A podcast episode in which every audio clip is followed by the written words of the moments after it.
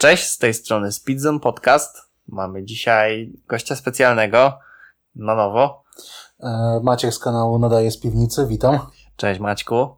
Generalnie mieliśmy mały przyps, ponieważ nagrało się na nie ten mikrofon, który powinno. Także yy, mamy dzisiaj w sumie yy, po godzinie remaster yy, odcinka. Tak, remaster, edycja specjalna. Re-release, ale nie remake. Nie. Bo właśnie o tym dzisiaj chcieliśmy pogadać.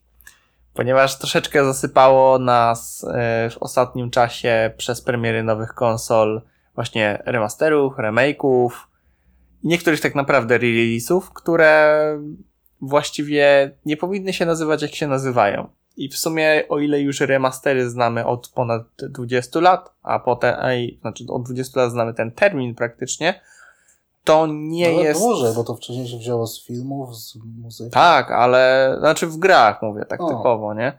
E, no to właśnie dzisiaj jest najbardziej podejmowany ten temat, ponieważ często jest używany niewłaściwie e, z w sumie pierwotnymi założeniami. Tak, dzisiaj według mnie, według mnie też według wielu innych ludzi e, są te terminy remaster, remake używane naprzemiennie i przez to czasami nie do końca wiadomo czego się spodziewać, kiedy wszystko jest nazywane remasterem od po prostu wydania z podbitą rozdziałką po grę zrobioną praktycznie całkowicie od nowa. Mhm. No i właśnie o tym chcieliśmy dzisiaj pogadać. Mm, to szczególnie ściągnęło, e, znaczy ten temat się e, ściągnął na moją głowę po prostu, e, kiedy myślałem o tym, co powinno zostać nazwane remasterem, grając w Hot Pursuit, Hot Pursuit Remaster, który był myślę, że był remasterem, ale nie takim, na jaki ludzie zasługiwali. Mhm i niekoniecznie takim, jaki w sumie ludzie oczekują zazwyczaj, ponieważ e, było to faktycznie wydanie faktycznie z podbitą rozdzielczością na konsolach 60 e, klatkami w wersji na te konsole typu Pro, mhm. czyli właśnie Premium i no niby wszystko się zgrywało, ale z drugiej strony nie było usuniętych błędów, które były do tej pory. E, wiele rzeczy zostało pominiętych zostały dodane, e, znaczy został zreaktywowany multiplayer przez to, że doszło do dużo, dużo ludzi po prostu, którzy ponownie w to grają, ale brakowało jakiejś takiej głębi tego, że faktycznie ten remaster był potrzebny. I to myślę, że mogło, mogło być to załatwione po prostu dopiskiem port w przypadku Need for Speeda e, Hot Pursuit na po prostu nowe konsole.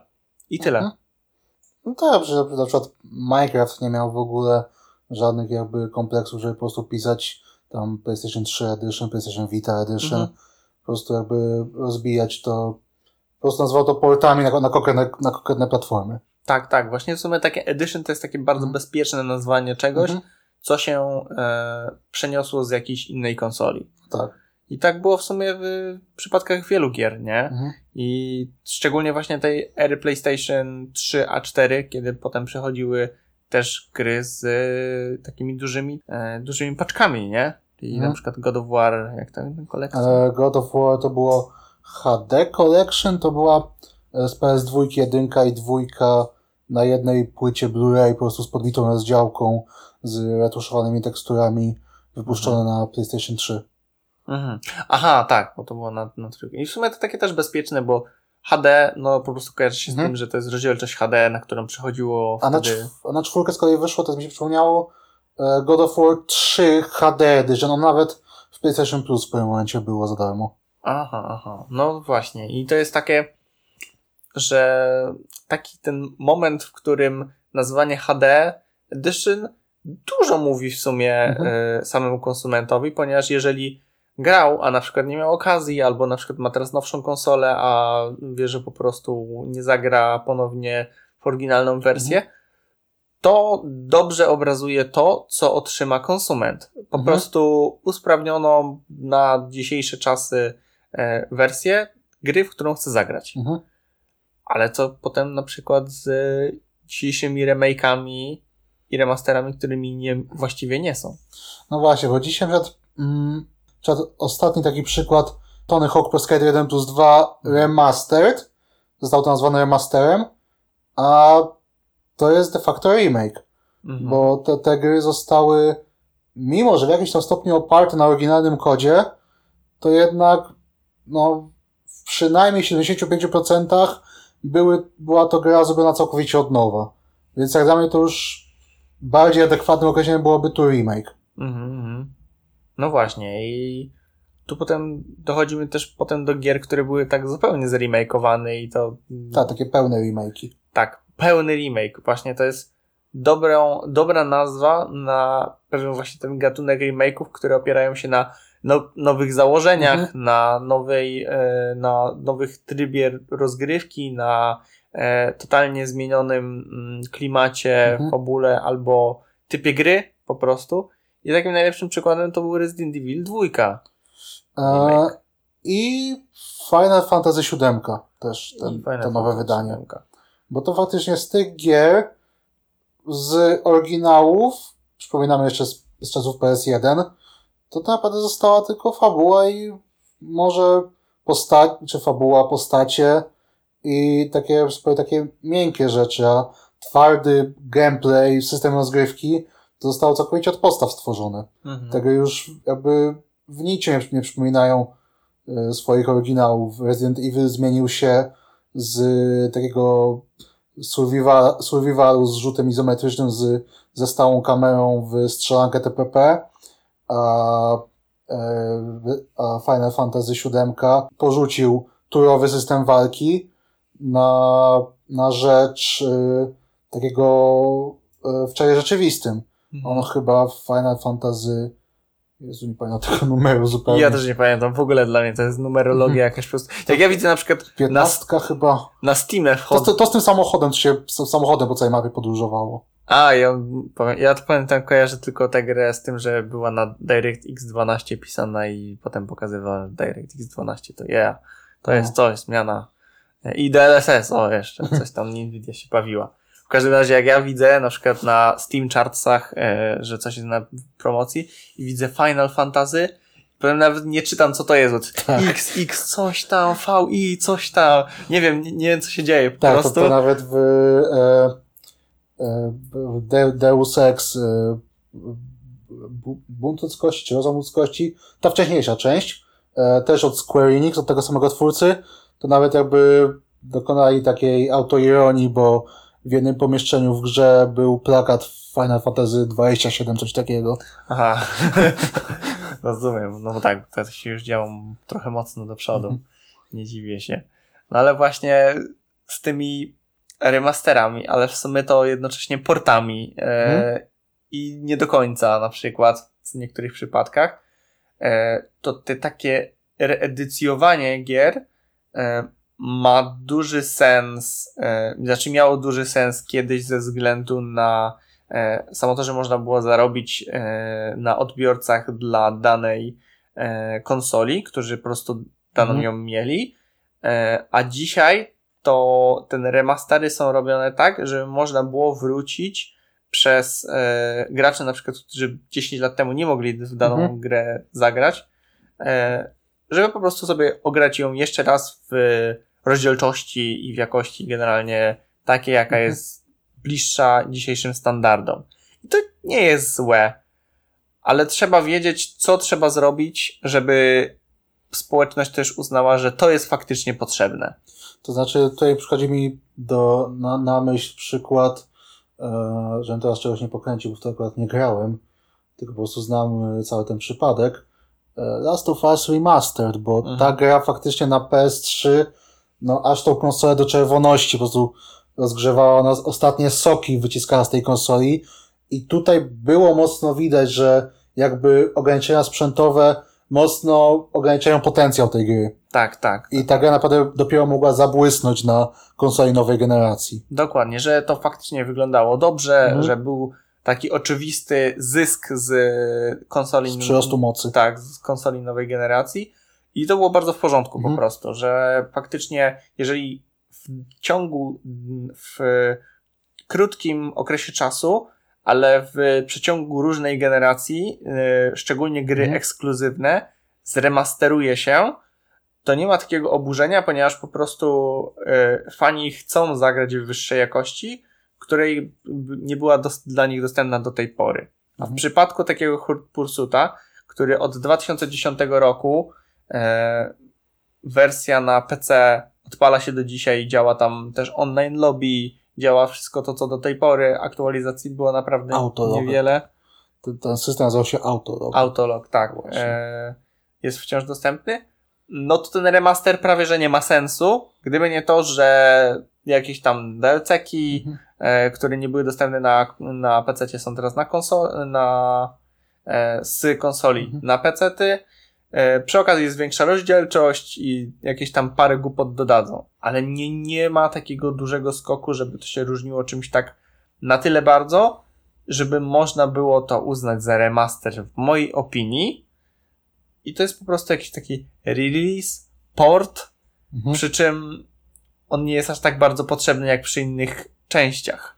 To znaczy, ja powiedziałem, że tak, jeszcze nie grałem w tego remastera, bo akurat poluję na wydanie na Switcha, a liczę, że ono dosyć szybko spadnie z ceny. Mhm. E, I dla mnie, tak, co mi teraz przychodzi do głowy, jedynym takim jego plusem tego remastera, który mogę tu i teraz wymienić, jest samo to, że trafił na Switcha, gdzie Tak. po prostu ściganek jest, nie oszukujmy się, jak na lekarstwo. To prawda, ale to właśnie takie mocno arcade'owe ściganki są na nim potrzebne po prostu. Tak.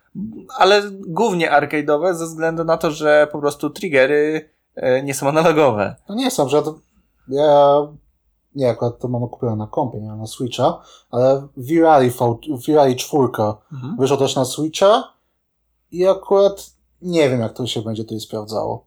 Trochę się, trochę się tego obawiam. Wciąż arcade, więc mi się wydaje, Tak. że nie będzie problemu akurat z tym. To jest jednak gra typowo gaz pełny, hamulec, A, hamulec odpuszczony i tylko zakrętek, więc nie, nie ma z tym problemu faktycznie, żeby jakoś tak e, operować bardziej gazem. Ja na przykład jestem e, zadziwiony trochę, że wyszło, wyszedł Grid Autosport na Switcha, na, na e, Androida i na Mhm. iOS-a, ponieważ no tam faktycznie trzeba było przenieść dosyć e, zaawansowaną fizykę na, No tak, prost- silnik, na, e, na tak proste kontrolsy po prostu, no tak, nie? ten cały silnik e, Ego Engine przecież on Tak, nap- napędza i Dirt, i Dirt Rally. I to dokładnie. jest ba- bardzo zaawansowana symulacja fizyki. I bardzo im to dobrze wyszło faktycznie, Mhm. ale jak ogrywam to na telefonie e, z podłączonym padem od PS4, to na przykład są e, kategorie samochodów, które jeżeli mam wyłączone wszystkie kontrole trakcji, e, Mhm. ABS-y i tak dalej, to faktycznie nie potrafiłbym bez triggerów jechać skutecznie, ponieważ Mhm. miałbym problem z tym, że na przykład e, auto zrywa przyczepność e, albo wpada w poślizg Mhm. niepotrzebny przy na przykład wyjściu i tego się nie, nie da załatwić bez triggerów. Dlatego takie właśnie gry na Switcha nie potrafię Mhm. sobie Przecież wyobrazić. pamiętam w, jeszcze na starenkim PS2 w Gran Turismo 4 pad od PS2 DualShock 2 nieśmiertelny. Co ciekawe, nie miał triggerów, miał, miał de facto dwa zestawy bumperów, Mhm. ale miał analogowe przyciski, Mhm. które po prostu reagowały na siłę, na siłę nacisku i po prostu jakby bardziej precyzyjnie e, operowało się gazem X-em niż po prostu bumperem triggerem. Tak, tak, właśnie z przycisku pamiętam. Został przeniesiony też na PlayStation 3, chyba nie? Że analogowe były przyciski. Nie, właśnie nie. Nie? Nie, już y, przy Six Axisie w DualShock 3 już zrezygnowano z tej funkcji analogowych przycisków, po prostu zrobiono pra prawilne triggery. Okej, okej, właśnie, bo pamiętam, że to. Nie pamiętam, której konsoli to był feature. Ale teraz, teraz już wiem. Bo chociaż to było, było akurat fajne, ale było mało, mało Tak, wykorzystywane. mało, bardzo. mało gier to wykorzystywało. Po prostu. No dokładnie. No i właśnie z takich portów, re-release'ów, e, jak sobie przypominam, żeby coś miało faktycznie sens, e, tak coś, co zostało nazwane remaster, e, no to ten, to był Burnout Paradise, który po Mhm. prostu przenosił bardzo dużo kontentu, który był niedostępny na PC-tach, bo Mhm. był ekskluzywny dla konsol, e, a wersja na konsolę miała faktycznie ograniczenia na swój czas, ze względu na to, że musiała chodzić w 60 klatkach Tak. i e, jednak e, po prostu no, nie wyglądała tak dobrze jak na PC. Mhm. I tu połączono bardzo dobrze dwa światy.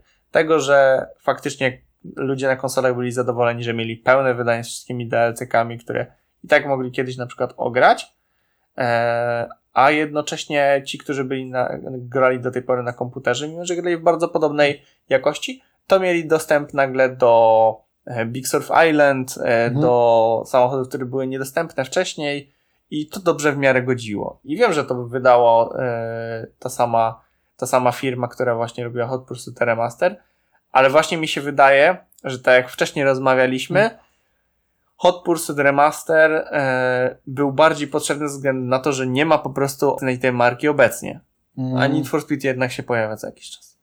Tak, no właśnie to jest ten problem, że, czy problem, to jest e, ta sprawa, że jakby Need for Speedy są cały czas obecne w świadomości graczy, regularnie e, dostajemy nowe części, a Burnout, który za czasów PS2 był bardzo silną marką, no przecież w zasadzie większość e, odsłon tej części powstała na PS2, gdzieś tam w międzyczasie za, e, tak zaginął w tym Dokładnie. świecie. To tak w sumie, w sumie właściwie to Barnold e, jako marka był w, w sidłach EA od dłuższego czasu wcześniej. Mm, Bez co nie powiem ci teraz z głowy, ale na, nie, na pewno przynajmniej od trójki był, e, był w rękach EA, bo pamiętam, że soundtrack do Burnouta 3 Takedown miało ten, e, tą etykietę EA A, Tracks. faktycznie, no się obracało to logo. EA Tracks, no. Faktycznie. No, to czas, kiedy EA każdy uznał, że to jest Mhm. fajna gra, jeżeli miało logo EA. Mhm. Tak, i te, te genialne po prostu licencjonowane soundtracki, na które EA nigdy nie szczędziło po prostu pieniędzy. Tak, tak, że ludzie na przykład e, wracają do soundtracków z FIFA sprzed na przykład Mhm. 12 lat, bo po prostu tak dobry. No. No to, to był akurat ciekawy właśnie przejaw tego, że faktycznie e, warto było inwestować w e, muzykę licencjonowaną i to bardzo dobrą. I w sumie co, która odkrywała potem na przykład jakieś tam kapele, które nigdy by nic... Tak, na przykład Nie wyszły. Need for Speed Most Wanted 2005 rok, no generalnie jakbyś uliczne wyścigi w klimatach mocno szybkich i wściekłych połączył po prostu z ostrą metalową muzyką. Mhm. A jej wpadła taki koncept, taką jej wizję i to działało. Tak, bo to fajnie łączyło, że nie Mhm. tylko to jest elektroniczna na przykład Mhm. muzyka i jednocześnie e, techno, które było takie na bazie lat 2000, tylko jednocześnie można było poczuć taki klimat lekkiego punku. No takiego Właśnie. punku, właśnie rebelii, Mhm. nie trzymania się zasad. Mi się zdaje, że w Most Wanted'cie oprócz takiego soundtracku skomponowanego na potrzeby gry, tam mo motyw, który grał przy pościgu i tak dalej, to chyba z takiej typowej elektroniki to tam tylko było The Prodigy. Dobrze Jeszcze był jakiś, jeszcze był jakiś, ale mniej znany w sumie e, też wykonawca. Tak? Ale to prawda, faktycznie. To tak to jako The Prodigy. Zresztą The Prodigy bardzo często właśnie jako taka, Mhm. jako taka klasyczna elektronika przelatywała przez e, gry takie z 2000-2010 Mhm. Właśnie, żeby, że- żeby się zakręcić. I właśnie a propos w sumie Need for Speeda e, Most Wanted'a, to Need for Speed Most Wanted miał taki fajny release e, na Xboxa 360, który e, był uznawany, znaczy jest uznawany za najlepszą wersję Need for Mhm. Speeda Most Wanted, jaką można zagrać. Ze względu na to, że e, bardzo wtedy chciano pokazać moc e, nowych konsol e, Xboxa 360 i dodano tam dosłownie parę rzeczy, ale dzisiaj jest po prostu uznawane za e, najlepszą wersję ze względu na to, że ma najlepszy skybox, faktycznie e, ładne takie chmury, które były animowane, nie, niedostępne wcześniej na PS2, a nawet na PC, który po prostu był e, portem z Mhm. PS2. E, miał też inny motion blur, jak kojarzę, lekko inne kolory, żeby się tak faktycznie wyróżniać. I to był akurat fajny przykład takiego portu na nowe konsole. Po prostu. I on nie był w jakikolwiek sposób oburzający, bo mi się wydaje, że właśnie ludzie kiedyś się skupiali na tym, e, w co grają, a nie na czym grają. Tak, tak. Mi się wydaje, że właśnie przykład ten Most Wanted, on mi się wydaje, że wyszedł się w cudzysłowie, w cudzysłowiu, e, w cudzysłowie, w cudzysłowie? W cudzysłowie. E, W cudzysłowie wyszedł po prostu na wszystkie platformy, które były dostępne w danym okresie. Mhm. Wyszedł na PS2, Xboxa, GameCube'a, Xboxa 360 e, PSP. na PSP, na DS-a, na Game Boy Advance'a. Tak. I to jakby, jeśli, jeśli dobrze pamiętam, żadna, żadna z ty, żaden z tych portów nie był e, oceniany krytycznie. Wszystkie zdobyły jakieś tam dobre opinie. Tak, tak, że potem faktycznie e, mogłeś e, gadać z kimś, że grał w Most Wanted'a i ty nie masz tak naprawdę pojęcia, w jaką on grę grał do Ale- końca. No, to prawda, i tak miał zazwyczaj dobre wspomnienia. Tak, tak. Akurat u nas w Polsce, tak jak mówiłeś, że grałeś w Most Wanted'a, to na pewno grałeś na PC-cie, Tak. bo po prostu taki był rynek u nas. Ale przy niektórych grach to faktycznie nie było takie oczywiste. Mhm. No to prawda.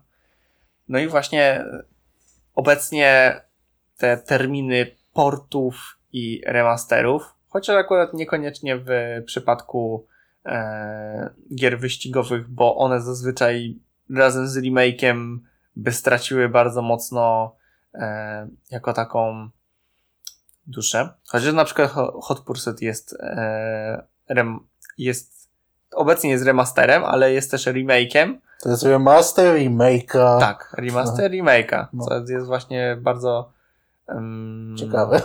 bardzo ciekawym e, przypadkiem tego, że chci, chciano wrócić do czegoś, co fani niekoniecznie pamiętali jako ten najbardziej złoty okres, a moim Mhm. zdaniem to on właśnie najbardziej wypromował markę e, Need for Speed, czyli właśnie egzotyczne samochody i, Mhm. i pościgi z Tak, policją. tak.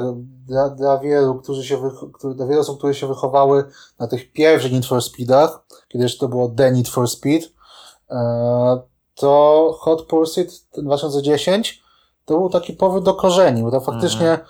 wiesz co, jeździłeś, nie, nie, nie tuningowałeś, nie bawiłeś się w naklejeczki, grzebanie pod maską, tylko wiesz co, to był ten film po prostu tej jazdy egzotyka, egzotycznymi autami Mhm. po, po jakichś, wiesz co, e, pięknych krajobrazach, po autostradach.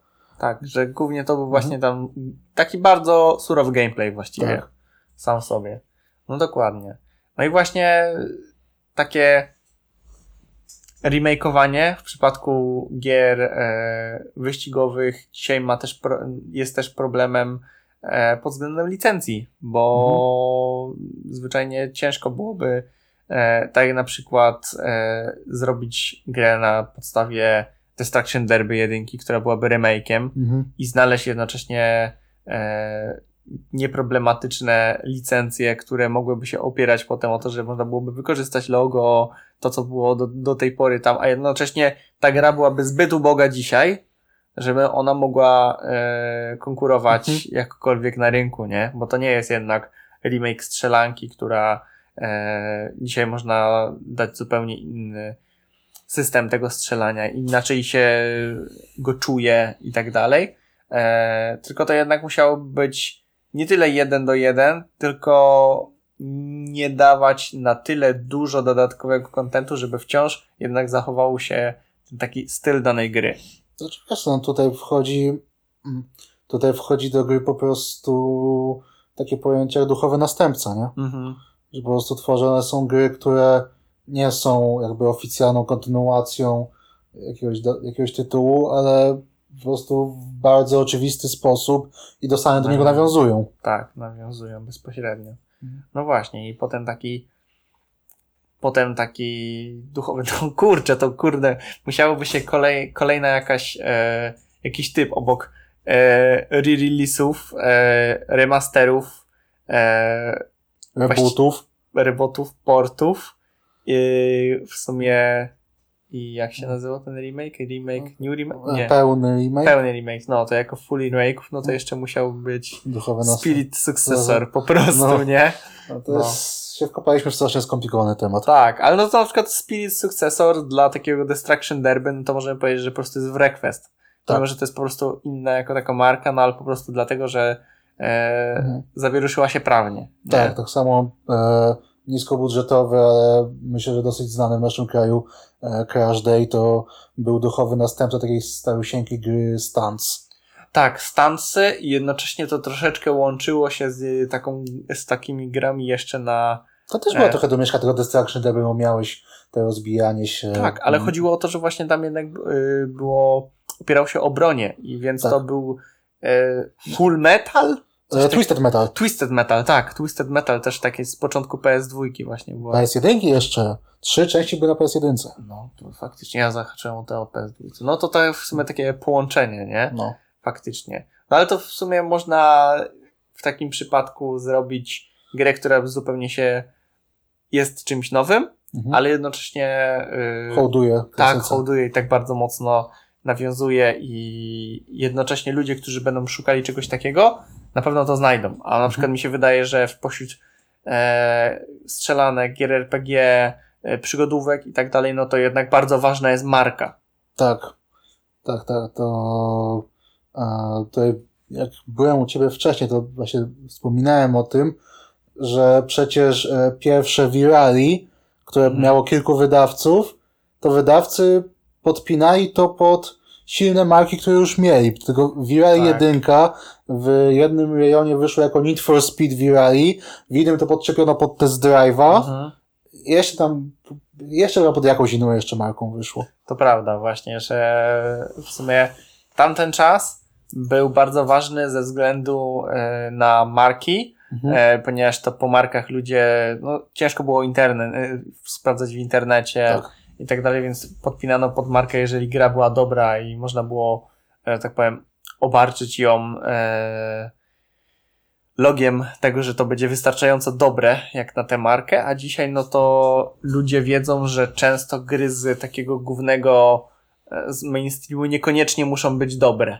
Tak, i to jakby dostaliśmy tego e, naoczne przykłady nawet stosunkowo niedawno, kiedy na przykład Assassin's Creed Unity był na premierę po prostu gra AAA, gra po prostu wysokobudżetowa, była na premierę po prostu w tak koszmarnym stanie technicznym, że była Mhm. niegrywalna. Później tym samym w, cudzysł- w cudzysłowie popisał się Fallout 76, też po prostu w tragicznym stanie technicznym, tragicznym stanie technicznym na, na premierę.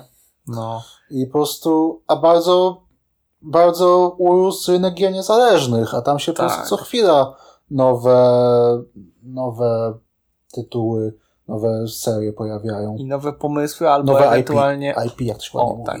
albo odświeżone e, pomysł, pomysły na gry, które już były Mhm. praktycznie, ale dzisiaj te gry ciężko się gra, Tak. e, ze względu na to, że się po prostu zestarzały i dobrze jest taką grę odświeżyć i wtedy można pod zupełnie nową markę i faktycznie to jest taki spirit sukcesor Mhm. po prostu. No i faktycznie to już nie jest jakoś tam, jakieś tam machlojki są robione właśnie z tym, żeby wziąć i potem sprzedać to jako, jako coś, czym w sumie nie jest, ale zastępuje coś innego. O, tak mógłbym to powiedzieć. No a w takim razie, Maćku, powiedz mi, jakie byś sobie tak życzył trzy tytuły, żeby zostały zremasterowane na dzisiaj? E, Przede wszystkim e, and Dangerous 2. To jest po prostu świetna strzelanka taktyczna. Kto zna, kto kojarzy, to na pewno wie o czym, o czym mówię. Po prostu jak świetna była ta gra. Niestety wyszła w tym samym okresie, co przełomowy pod wieloma, pod wieloma względami Call of Duty, które po prostu Mm. zmiotło konkurencję i przez to ta gra się tak jakby nie zachowała w świadomości graczy, ale była po prostu świetna rozgrywka, szczególnie na multiplayerze, na multiplayerze spędziłem, przy tym mnóstwo godzin i powiem Ci, że nawet, może nie wiem master, ale ja bym po prostu płakał ze szczęścia, gdyby wrócił multiplayer, bo multiplayer w tej grze umarł wraz z GameSpy Arcade. Aha. To była właśnie jedna z tych, z tych gier, które po prostu GameSpy Arcade pociągnęło za sobą. Ja pamiętam, że na Do GameSpy'u grobu. W sumie, kurde, taka era w ogóle gier, która korzystała z GameSpy'a, to bardzo mi się kojarzy z takim początkiem multiplayeru, jaki, jaki ja ogrywałem. Bo to Tak, bo to był taki do, ten, na swego czasu największy do- dostawca e, usług serwerowych do gier. Tak, tak, dokładnie. No dobra, no to z twojej strony właśnie Hide and Dangerous. Hide and Dangerous, tak. No.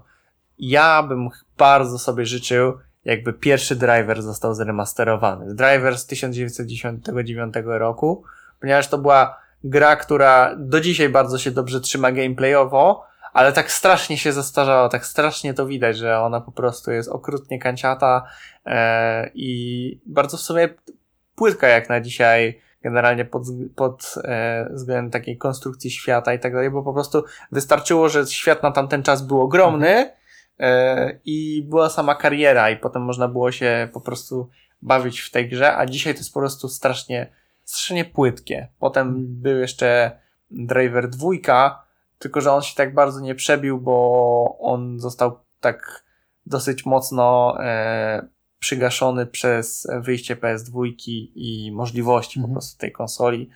A no, no jednak to, to, to się nie udało, żeby. Pozostała jedną, jedną nogą w poprzedniej generacji. Tak, tak. No i to właśnie jednak było, było tym takim nieprzyjemnym momentem, w którym ludzie nie chcieli już wracać nawet do dobrej gry, e, ponieważ po prostu widzieli, że zasięg rysowania nie musi się kończyć 5 metrów przed nimi. Ale jak to się mówi, łabędzi śpiew odchodzącej generacji. Tak, tak, dokładnie właśnie.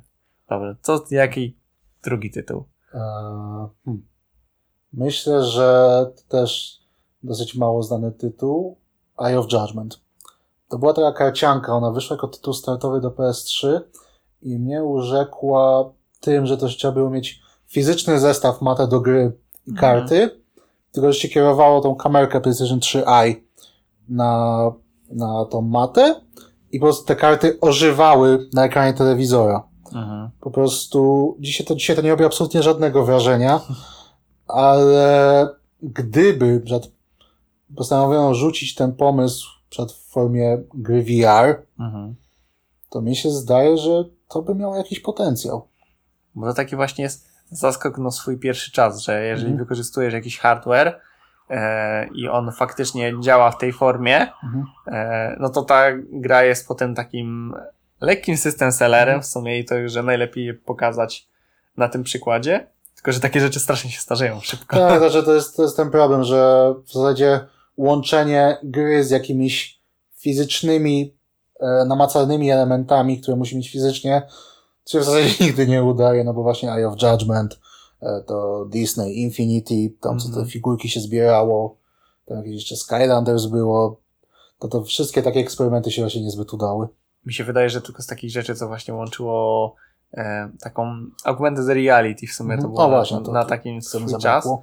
E, to jedyna rzecz dobrze się zestarzała, to były te sportowe gry z Xboxa 360. Które sportowe? No takie, żebyś się pontonem płynęło i skakało e, się. Kinect Adventure? O, coś takiego, nie? To, to się nie zestarzało tak, źle- tak, tak źle w porównaniu do niektórych gier. Czy ja wiem, to jest. No to tak samo jakby powiedzieć, że Wii Sports się nie zestarzało. Ale w sumie nie zestarzało się tak bardzo. To wiadomo, to się dzisiaj patrzy na to i tak, Że no tak, to wygląda biednie, ale, ale działa. ale działa. Chociaż akurat Wii, no to Wii, jakby to był trochę bardziej dopracowany system niż Kinect, bo Kinect Jasne. po prostu, Kinecta mocno ograniczała już dosyć trącąca myszką po prostu moc Xboxa 360 po prostu, Mhm. żeby był widoczny po prostu wyraźny lag przy, przy twoich ruchach, a ruchach postaci na telewizorze. To prawda, to prawda, właśnie tak, było- tak, tak było, że tak powiem. Ja z kolei bym jeszcze sobie zremasterował bardzo chętnie całą serię e, Motorstorma z PS3. Od jedynki poprzez dwójkę e, Pacific Rift to było. i Pacific Rift, tak, e, i trzecią część, która była Apocalypse. Ap- Apokalipsa. No. I jeszcze potem była wersja na PSP i PS2 Dwa. E, Arctic Edge. Arctic Edge, tak. I jeszcze potem na Vita wyszło e, Motorstorm RC, to się jeździło samochodzikami zarejestrowanymi. A, to jak. Ale to do tego tylko bardziej przyszło bez echa.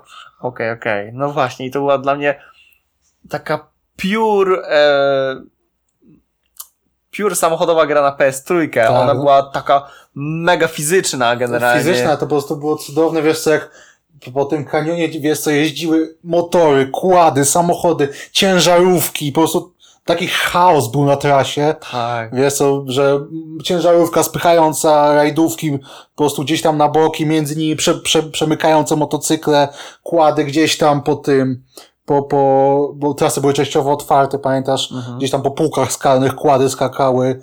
Potem to w kolejnych częściach jeszcze ulepszono, bo tam w Arctic Edge tam w ogóle doszły skutery śnieżne, Mhm. pługi śnieżne, które po prostu mi swoimi łychami wszystko spychały, wszystkich przeciwników po prostu To z trasy. Prawda. No to po prostu był taki mega pokaz tego, jak można e, Mhm. zagrać chaosem, Mhm. żeby to się, w coś się dobrze grało, że Tak. po prostu było to bardzo, moc, bardzo emocjonujące. Akurat ja jeszcze Motorstorma pamiętam z innej rzeczy. Więc tam mnie zrobiło bardzo wielkie wrażenie e, intro, intro do każdej części. Bo każda część miała intro, które łączyło prawdziwe nagranie. E, przykładowo właśnie przy Motorstormie pierwszym to było tego, tego Monument Valley. Po prostu na prawdziwe nagrania z pustyni, które tak płynnie przechodziły w grafikę z gry. Mhm. I po prostu na mnie to robiło swego czasu wielkie wrażenie. Mi się bardzo podobało też, że w sumie chyba wokół tego była zbudowana jakaś taka fabularna otoczka tego, że e, dzieje się jakiś właśnie event, który jest taki bardzo dziki. Tak, taki, taki, taki motoryzacyjny Woodstock, nie? Tak, tak, coś takiego. Nawet właśnie w Wintrze się pojawiało, że cały ten festiwal, właśnie tam ta kamera, ta kamera tak, tam kamera e, wjeżdżała tak, po, takie, po takim zboczu jakby wjeżdżała e, i, tam, na, i ten narrator e, scena jest ustawiona, dolina budzi się, witaj w Motorstorm. I właśnie tak wychodzi, A, i, tak. wy, i wychodzisz po prostu na, taki, na ten całe takie topole festiwalowe. nie? Polska wersja była, no tak, pamiętam. Znaczy, to tego. teraz mówię, e, nie, Ale była polska była, wersja. wersja, była polska wersja, ale w Arctic Edge. W wersji na PSP i PS2. Faktycznie, faktycznie, Te, rzeczywiście. te tak duże było. odsłony były tylko po angielsku.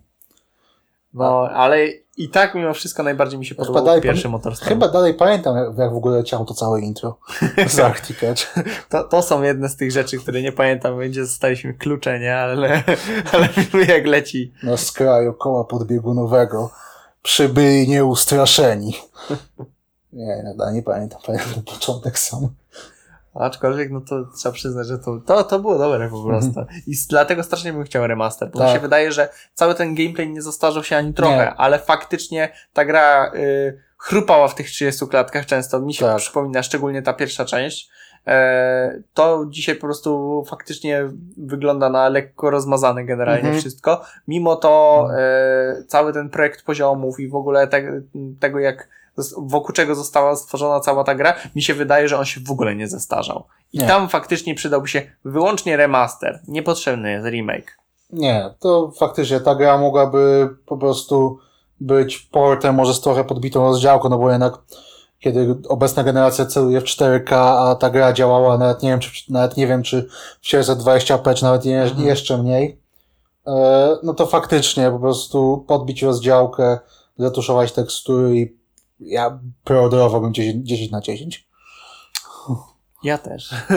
Mam nadzieję, że tym uraczy nas 2021. No ale to akurat, jeśli mogę tak dodać swoją prywatę, to mi się zdaje, że po prostu po zamknięciu studio, studia Evolution, mi się zdaje, że po prostu gdzieś ta marka zaginęła w prawniczym, copyrightowym limbo, nie? Prawda. I może dlatego po prostu nie, nie jest dzisiaj z nami. Dlatego tym bardziej jeszcze e, liczymy na spirit sukcesora. O W tak. takim przypadku. No, jak najbardziej. Dokładnie. Co jest jaką jest trzecią marką grą, która byś zremasterował? A trzecią, no to mi trochę tego Motorstorma ukradłeś, ale myślę, że no tu, tu się bije w głowie między dwoma tytułami, bo to albo byłby ten wspomniany Crash Die, którego bardzo ciepło wspominam. E, on dostał taki ni to remaster, ni to port, po prostu wydaje na Steama, to się Mhm. nazywało Red Edition, Re-release. release, tak? Albo Flatout dwójka. Flatał dwójka myślę, że też jest w prawniczym limbo w tym momencie. Znaczy, E, mi się zdaje, że może nie tyle prawnicze limbo, co po prostu to, jak ta seria jej perturbacji i to, jak schodziła po prostu jakościowo po równi pochyłej, po prostu tak, bo, pogrzebało tą serię. bo tam jakieś studio bardzo biedne Tak, się to jest zajmowało. Y, trzecią część w ogóle robiło studio, które słynęło z tego, że robiło niskobudżetowe ściganki na jednym silniku.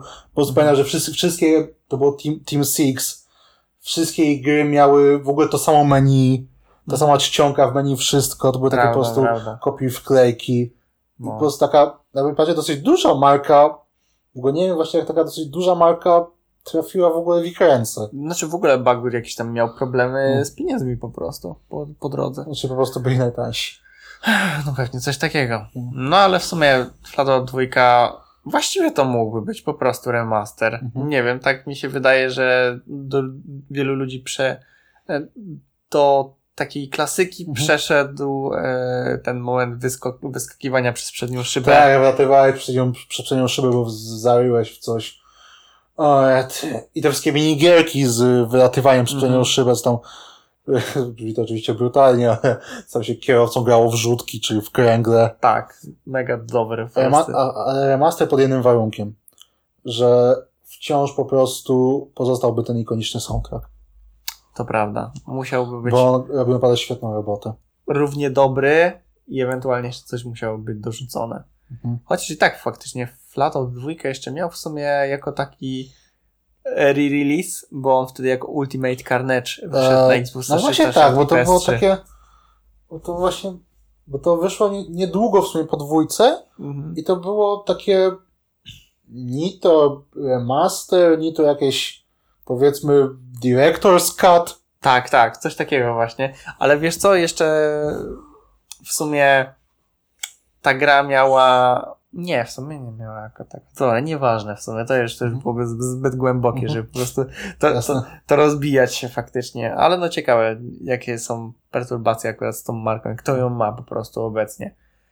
Ja bym jeszcze chciał zremasterować, albo pewnie bardziej zremakeować Barnouta Takedown. Z, Trójkę. może zgrzeszę, ale bardziej mi się podobał Revenge.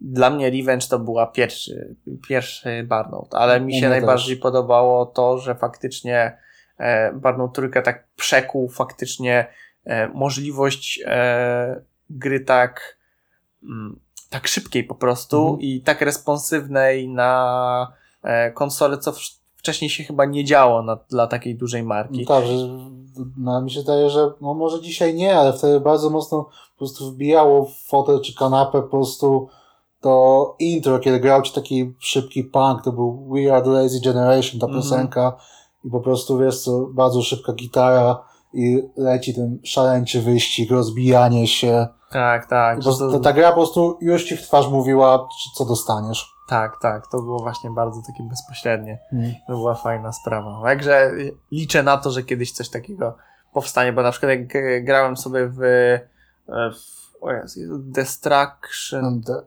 De- Destruction Derby? Nie, nie, nie, nie. E, ojej, no jest jakiś taki, jest jakaś taka mała firma, co tworzy jakąś e, serię gier jest zdecydowanie mocno inspirowana właśnie tamtymi, e, tamtymi właśnie częściami. Ale ona jest tak budżetowa, że po prostu to widać tak strasznie, nie? Że tam samochody się nawet nie gną. Potem poszukam na pewno. No dobra, mamy w takim razie jeszcze drugi temat. Mhm. Jak wygląda obecnie start dla konsol? Bo Ach. jesteśmy już praktycznie parę tygodni po starcie Xboxa Parę Series. tygodni? Nie, no tydzień, kiedy on wyszedł. Jeżeli mamy teraz koniec miesiąca, a wyszło e, dobrze 11 chyba PS5 i wcześniej jeszcze Xbox. Jezu, nie mów, aż tak mi czas ucieka? No trochę ucieka. No ale w każdym razie już wiemy coś nieco, o tych konsolach. No i trzeba zauważyć, że y, bardzo się różnią podejściami w sumie. No, to trzeba przyznać, że tutaj poszły zupełnie różne strategie PS5. Jest takim boom, całkowicie nowy pad. Konsola po prostu wygląda po prostu czysty futuryzm. Te, ten SSD projektowany całkowicie od, od po, wymyślony na nowo dysk twardy. E, po prostu Ultimate Gaming Center. Podczas gdy Xbox jest spokojny, to nie jest żadna rewolucja. To jest bardzo przemyślana ewolucja. Po prostu Xbox właśnie z drugiej strony daje to, co już wszyscy znają, tylko z lepszymi bebechami. Eee, przecież nawet pad się w ogóle się nie różni, tam zmieniono. I chodzi ze sobą do... I chodzi raz jednocześnie pad od Xbox Tak, Series są, kap- z są, są, łanami, są kompatybilne między generacjami te pady. Chyba tam według recenzji tylko zmieniono, zmieniono to, że e, wejście mikro USB zmieniono na USB-C i Tak. jakieś tam kosmetyczne zmiany. Dokładnie. No i właśnie e, tu pokazuje, jak bardzo jest różne e, podejście do w sumie Mhm. tej generacji, no bo Microsoft e, już jest e, nie jako taką nową konsolą i nową generacją, tylko jest po prostu ekosystemem, Tak. a PlayStation bardzo chciało się odciąć i pokazać nową, e, nową zawartość i nowe Tak, możliwości. każde PlayStation ma, każde kolejne PlayStation mi się wydaje ma swoją osobowość. tak, I na tak. to po prostu stawia Sony, żeby każda konsola e, była jakby zapamiętana z osobna. Mhm, mhm. Gdzie Microsoft po prostu tworzy ekosystem, który płynnie po prostu przechodzi w, kole, w kolejne ewolucje. A jak patrzałeś na tę najsłabszą e, wersję Xboxa Series S, dostępną za 1349 zł, jeśli dobrze pamiętam. Właśnie, według mnie, mimo że dużo osób uważa, że jest to kura u nogi tej generacji Mhm. strzał w stopę ze strony Microsoftu, to według mnie jest to mimo wszystko chyba najbardziej interesujący aspekt, ponieważ e, Microsoft wyszedł po prostu już na starcie generacji, wyszedł z, z ofertą dla nie, niezbyt powiedzmy zamożnych graczy, którzy po prostu nie mogą sobie pozwolić na tą topową wersję konsoli, dlatego przygotowali dla nich wersję, nazwijmy to budżetową. E, I to, jest, I to się różni od chociażby e, premiery Xboxa 360, gdzie oczywiście było tam kilka wydań różniących się ceną, ale tutaj się wszystko rozbijało tylko zawartość pudełka, bo jakby samą konsolę, samo urządzenie, nieważne od tego pakietu, dostawali zawsze tą samą. Mhm. A tutaj jest urządzenie po prostu od początku przemyślane pod kątem jakichś tam cięć budżetowych, gdzie no dost, dostajesz jakby... Ale się zgubiłem. Aha, dobra. Dostajesz pełny experience e, generalnie Tak, tak. dla kogoś, kto nie ma porównania. Po Tak, prostu. to jest coś po prostu, żeby porównywać jakby topowej klasy kino domowe tam z Blu-ray 8K HD, e, Dolby 7 coś tam, do jakiegoś, do powiedzmy e, Mi Boxa albo Chromecasta, nie? Tak, to nie jest to, że dostajesz po prostu rower, a ktoś co dopłaci ma po prostu jeździ Mercedesem, nie? Tak, to jest... Tylko po prostu dostajesz też samochód, tylko niższej klasy. Masz wszystko to, co jest dostępne, Mhm. tylko po prostu jest to w pewnej ograniczonej formie. Tak, to po prostu entry level dla, dla po prostu uży- użytkownika ka- casualowego tak.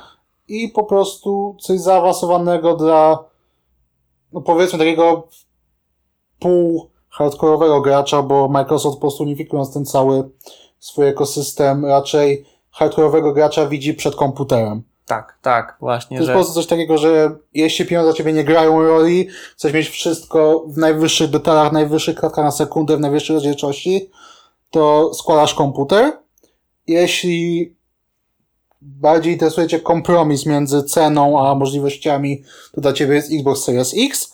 Natomiast jeśli grasz okazyjnie albo e, nie jesteś w ogóle jakimś zapalonym graczem, no to Microsoft wychodzi z ofertą Xbox Series S. dokładnie. A PlayStation po prostu podchodzi do ciebie jako e, gracza, który Mhm. jest albo tradycjonalistą i kupi wersję z napędem, Mhm.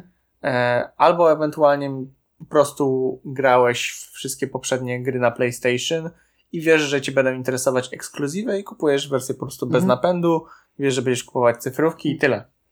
Tak, bardziej mi zdaje się, że strategii Sony tutaj nie tyle chodziło o wyjście jakby z wyciągnięcia ręki do, do mniej, właśnie mniej zamożnego gracza, co po prostu chciano przygotować wersję taką po prostu, że jeśli ktoś nie używa płyt, że po prostu nie musiał płacić za napęd, którego nie będzie używał. Tak, tak. To nie było jakoś przemyślane e, dla ostrego O. cięcia kosztów.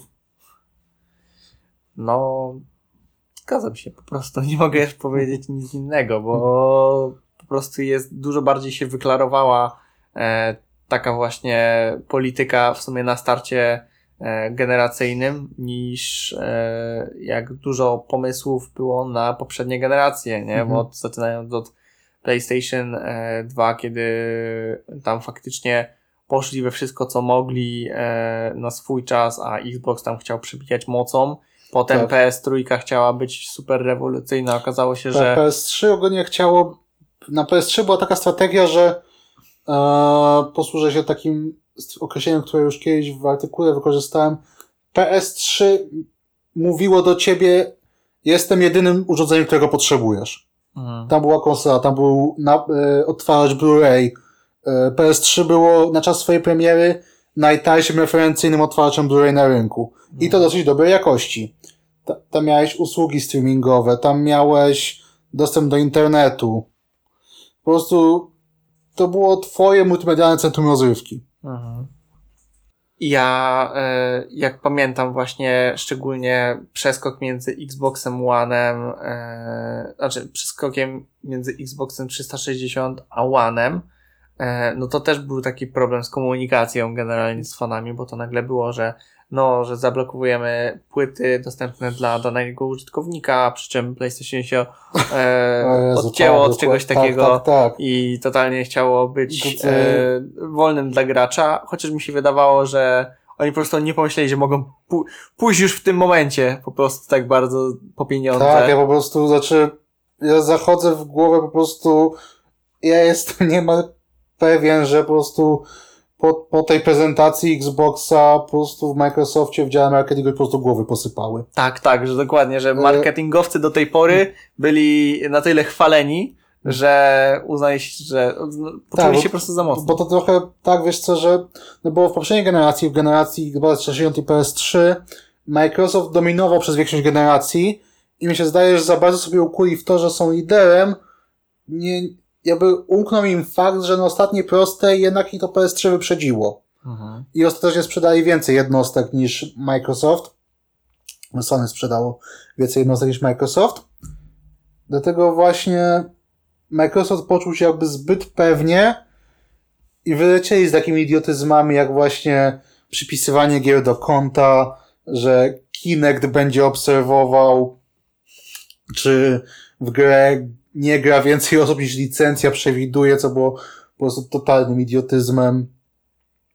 No prawda, to już był taki moment, w którym faktycznie widać było, że, kto, że nawet ludzie nie kochający graczy wręcz po prostu się wzięli za to, tylko po prostu na samych, na same cyferki patrzyli. Tak, ale po prostu ludzie, którzy jedyne co widzą to po prostu ekran kalkulatora. Albo, tak, tak. Albo wykresy w Excelu. Kalkulator i pieniążki, nie? No. No dokładnie właśnie. I teraz przy tej generacji teraz jest zupełnie e, w sumie odwrotnie, ponieważ Xbox staje się platformą, która ma być stosunkowo tania, że nikt nie, nie mhm. będzie potrzebował kupować na przykład e, kto jest takim entry level graczem albo ewentualnie ma dzieci, które chcą, mhm. żeby pograły, nie kupi na przykład sobie poprzedniej generacji konsoli, żeby sobie w coś tam zagrały, mhm. tylko taniej, ewentualnie opłacalniej i po prostu bezpieczniej, mając całą pełną gwarancję i tak dalej, kupi się Xbox Series X, X, S e, i Ale za to nazwy, za, za, te, za, te, za te nazwy też powinni marketingowcy powiedzieć. Tak, tak. Akurat y, przy Xboxie totalnie nie rozumiem o co im tam chodziło.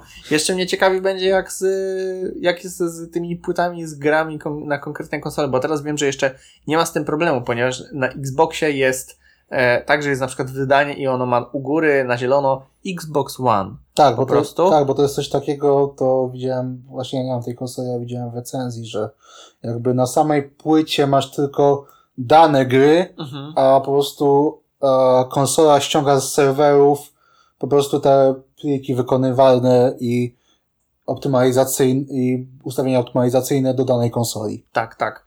I właśnie obecnie jest tak, że te wersje na nowe konsole, od razu jak chcesz kupić, to one mają tylko u góry Xbox. Tak. Po prostu. To jest mi... to Smart Delivery, tak to nazywa to strategia tak. Microsoft? Mi się wydaje, że to wprowadzi dużo zamieszania w przypadku, kiedy ludzie będą chcieli kupić grę na daną konsolę i nie będą wiedzieli, czy to już jest e, jakieś nowe wydanie, nowa wersja, szczególnie jak na przykład za parę lat będą na przykład remake'i e, i one będą bardzo mocno nawiązywały do poprzednich. I nie będziesz wiedział, czy w sumie kupiłeś teraz na Xbox One tą hmm. daną grę, czy to jest może już remake po prostu i on ma Xbox u góry. I mi się wydaje, że to jest takie lekko... A nie, a mi się właśnie wydaje, że to jest, że to jest po prostu, to, to zostało tak przemyślane, że konsument po prostu wchodząc do sklepu yy, nie patrzy, czy etykieta mówi Xbox Series X, czy Xbox 2000 coś tam dalej, czy jakkolwiek inaczej się to nazywało, widzi po prostu Xbox. Mhm.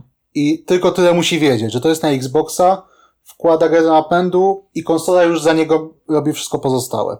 No ja myślę, że też, tylko że to, wpro to wprowadzi e, taki problem dla, dla rozróżnienia e, pośród konsumentów tego, jak ta gra, jak tą grę będzie widział, jako coś, co jest te, zeszłogeneracyjne, obecnogeneracyjne, międzygeneracyjne. I to jest właśnie mhm. ten taki moment, w którym ludzie się będą musieli przedstawić, że to jest platforma i że nie potrzeba na to już patrzeć, jak do tej pory. No, to znaczy, no, hmm. no to może wśród purystów czy tradycjonalistów wprowadzić pewne zamieszanie, szczególnie, że Sony idzie zupełnie inną drogą. Tak, teraz białe te pudełka, nie? No. tak, tak, że Sony idzie zupełnie inną drogą, że każda generacja musi się wyróżniać, każda generacja musi mieć jakąś swoją osobowość. Eee, no ale, no cóż, no, co mogę powiedzieć, takie właśnie mają, takie mają pomysły na siebie. Microsoft chce unifikować ekosystem, chce, żeby po prostu wszystko w ich ekosystemie działało e, działało jednakowo, było to identyczne doświadczenie. No a Sony chce z drugiej strony, że chcesz mieć po prostu najlepsze, najnowsze, kupujesz nowy sprzęt, po prostu innej opcji nie ma. Mm, to prawda. Sąsiad się nam włączył w podcast, więc to już jest tak. trzyosobowy. Dobrze, akurat dopiero na koniec. No i jeszcze tak a propos w sumie konsol. E, jeżeli jest ten Xbox Game Pass, który obchodzi obecnie już wszystkie e, dla Microsoftu platformy, bo w sumie łączy się z komputerami. No jest na PC, jest na Xboxie. Jest na Xboxie i jeszcze. Ma dość chmura. Tak, ma dość chmura, bo jako tako Xcloud jest mhm. osobny ale pomysł jest na to, że to będzie część jej. Żeby, żeby to połączone ze sobą, tak? Tak, to mi się wydaje, że Xcloud będzie chciał trafić jeszcze na Switcha. No, ponieważ moim zdaniem to jest bardzo logiczny i e, jakby oczekiwany nawet krok. Ja też myślę, że to jest oczekiwane. I mi się wydaje, że Nintendo będzie miało duże opory, bo po prostu ma teraz wypracowany bardzo dobry schemat e, po prostu e, sprzedaży mhm. gier, które nie są prawie że przeceniane, ponieważ taniej jest wziąć i odsprzedać grę i kupić sobie kolejną, mhm. co pewnie opłaca się dla nich i zazwyczaj też graczom. E, I to powoduje, że będą się opierać, ale wydaje mi się, że popularność e, tej usługi jako tako będzie na tyle już szeroka, że się kiedyś ugną wiesz co, no, możemy tylko przewidywać, nie? No, bo na przykład przyszedł Resident Evil, któryś tam, nie pamiętam, mhm. i też jeszcze e, Control e, wyszedł tak. na Switcha w wersji Digital e, Cloud. Digital, tak, Digital Cloud, coś takiego tak, właśnie. Tak, właśnie Nintendo jakby chce tutaj trochę zatuszować, no nie oszukując się mocno tym, że mocno po prostu ich produkt odstaje od, mhm od standardów generacji, chociaż powoli, nieśmiało, gdzieś tam na horyzoncie po prostu jak Mesjasza wszyscy fani Nintendo oczekują Switcha Pro. Tak, to jest też ciekawostka. Ja zdążyłem kupić sobie Switcha w tym roku, zanim wyszedł Pro, bo po prostu już czekałem na niego rok, hmm. ale jak już się słyszało jakieś e, przecieki, nie przecieki no. oficjalne, czy też nie no i nic, nie doczekałem się. Może kiedyś. Może. Ale to byłoby dobre, dobry moment też dla, dla Switcha, żeby hmm. przybrać właśnie sobie Xbox Game Passa i móc ogrywać to, co jest dostępne w sumie wszędzie do tej pory, tylko że, że tak powiem, jeszcze wszędzie. tak, bo właśnie to jest, to Nintendo ma po prostu to do siebie, że oni jakby ponad gołą moc obliczeniową po prostu stawiają pomysł albo unikalne doświadczenie. Tak, tak. To, że po prostu e, teraz ma każdy z obozów ma taki swój własny mm, system seller z każdej swojej ze stron, bo praktycznie Microsoft zarabia na tym, że masz Windowsa. Mhm. E, przy okazji może zarobić na tym, że masz ich konsolę e, i kupujesz e, co miesiąc Xbox Game Passa czy też Xbox Game Pass Ultimate. Mhm. E, PlayStation zarabia wciąż standardowo, czyli mając dużą marżę na swoje gry, a szczególnie już ekskluzywy. E, I Nintendo zarabia też na swoich ekskluzywach i tym, że praktycznie e, no, poza tym, że kartridżami można się wymieniać, no to bardzo sensowną opcją jest jednak kupowanie po prostu w e-shopie, na którym jest zazwyczaj taniej. No ale też zauważ, że akurat z tej całej, z tej trójcy jakby Nintendo jest tylko firmą stricte w branży elektronicznej rozgrywki, rozrywki. Tak. No przecież Microsoft jest jeszcze po prostu gigantem IT, Sony jest multikorporacją, która zajmuje się całą, całym po prostu szerokim wachlarzem elektroniki. Mhm. E, Więc Nintendo ma takie w sumie e, miejsce, w którym się może skupić na nim tak. i najbardziej w nie inwestować rzeczywiście. Powiem Ci, że jest taka anegdota właśnie branżowa, że zanim Microsoft pokazał pierwszego Xboxa, to chcieli swego czasu kupić Nintendo. Mhm. Microsoft Microsoft chciał swego czasu kupić Nintendo, ale dyrektor e, ówczesny e, Nintendo, bodajże Gunpei Yakoi, e, stwierdził coś takiego, że jakby szanuje Microsoft jako po prostu geniuszy branży IT, ale według nich się w ogóle nie znają na grach. Mhm. I dlatego po prostu odrzucili tą ofertę. Jeśli patrząc na to, to w sumie mieli rację. Znaczy, no, no bo tak, no bo Microsoft, no jest to niby e, Xbox Game Studio, ale Microsoft jakby samemu nie tego, nie ma tych, znaczy teraz ma, bo teraz kupuje masowo deweloperów na wyłączność. Ma to, co kupił, ale nie ma tego, czego wypracował. No można tak to ująć. No właśnie. Patrz, akurat nam wskoczyło tuż po godzinie. O. No, miejmy nadzieję, że teraz się już wszystko nagrało. No, no jak tak, tak widzę, no to po prostu echo nagraniowe, to coś tak podejrzanie cicho, podejrzanie niski ten wykres się robił przez chwilę. Już się bałem. Chyba byliśmy po prostu cicho. No cóż, no w takim razie dziękujemy Wam za tę godzinkę spędzoną razem. Wbijajcie generalnie też na kanał Maćka, ponieważ e, mówił, że może jeszcze do czegoś wróci. Tak, no trochę mi po prostu studia, magisterka, trochę mi pozmieniały plany, po prostu trochę niestety olałem ten kanał, ale będę, będę starał się oczywiście go wskrzesić. Ja zamierzam też skrzesić ten podcast, ponieważ e, no też przy okazji studiów miałem dosyć e, mało czasu i musiałem zaniedbać go, ale myślę, że wrócimy do tej, tej formy. No i cóż, no i tyle. Dzięki bardzo w takim, w takim razie Maćku. Wy napiszcie, jaką grę byście wy zremasterowali. O, i to chętnie poczytam, O, co macie do powiedzenia. i ewentualnie jeszcze jaką grę byście z kolei zremakeowali Mhm. na obecną konsolę. No i zobaczymy w takim razie, może zrobimy jakieś podsumowanie i pode, podeślemy to ewentualnie jakiemuś wydawcy. Mo- Może, może ktoś się tym zainteresuje dalej, O, oby. jakie jest zapotrzebowanie.